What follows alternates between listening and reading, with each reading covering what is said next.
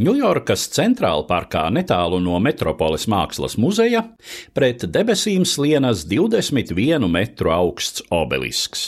Tas tiek dēvēts par Kleopatras adatu, lai gan ir teju pusotru tūkstoti gadu vecāks par leģendāro valdnieci Kleopatru, kura valdīja Eģiptē pirmajā gadsimtā pirms mūsu ēras. Obelisks savukārt, līdz ar otru tādu pašu monumentu, tika uzstādīts Helipoles pilsētā faraona Tutmosa III saukta dižā laikā, 1475. gadā pirms mūsu ēras, tātad pirms gandrīz trīs ar pusi tūkstošiem gadu. Šai laikā senā eģiptiešu valsts sasniedza nebijušu varenību, plezdamās no Sīrijas robežām ziemeļos līdz ceturtajām Nīlas krācēm tagadējās Sudānas vidienē. Savu varenību Tutmos iemūžināja daudzos obeliskos, un šie monumentālie veidojumi bija tik efektīgi, ka vēlāko laiku valdnieki tos iekāroja sev. Tā vienu no Tutmosa laika obeliskiem, kas atradās Luksoras tempļu kompleksā. Jau mūsu ēras 4. gadsimtā imperators Konstantīns Dižais pavēlēja nogādāt Romā, kur tas tagad slējas līdzās Svētā Jāņa arhibazilikai Laterāna kalnā. Savukārt abus Helipoles obeliskus jau pieminētā valdniece Kleopatra vēl 500 gadus agrāk pārvietoja uz Aleksandriju, kur tie sabija līdz 19. gadsimtam. Napoleona militārā ekspedīcija uz Eģipti 18. un 19. gadsimta mijā atmodināja Eiropas interesi par tur atrodamajām pagātnes liecībām. Sekojot Romas imperatoru paraugam, jaunlaiku eiropieši bez kautrības stiepa prom no senajiem kultūras centriem visu, kam tika klāt.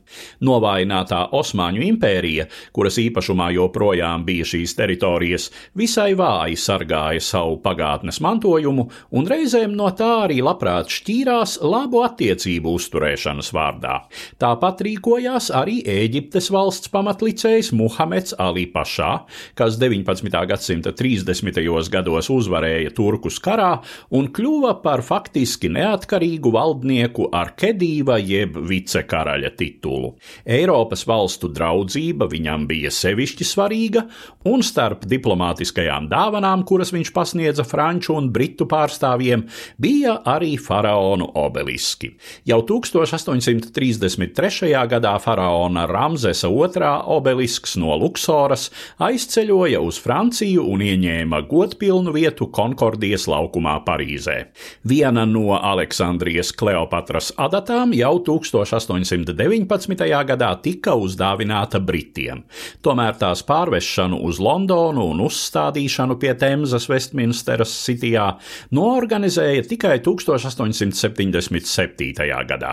Šo notikumu pamanīja amerikāņu prese un sāka aktīvi izplatīt viedokli, ka ja jau šādi obeliski ir Eiropas lielpilsētās, tad tādu ir pelnījušas arī Savienotās valstis.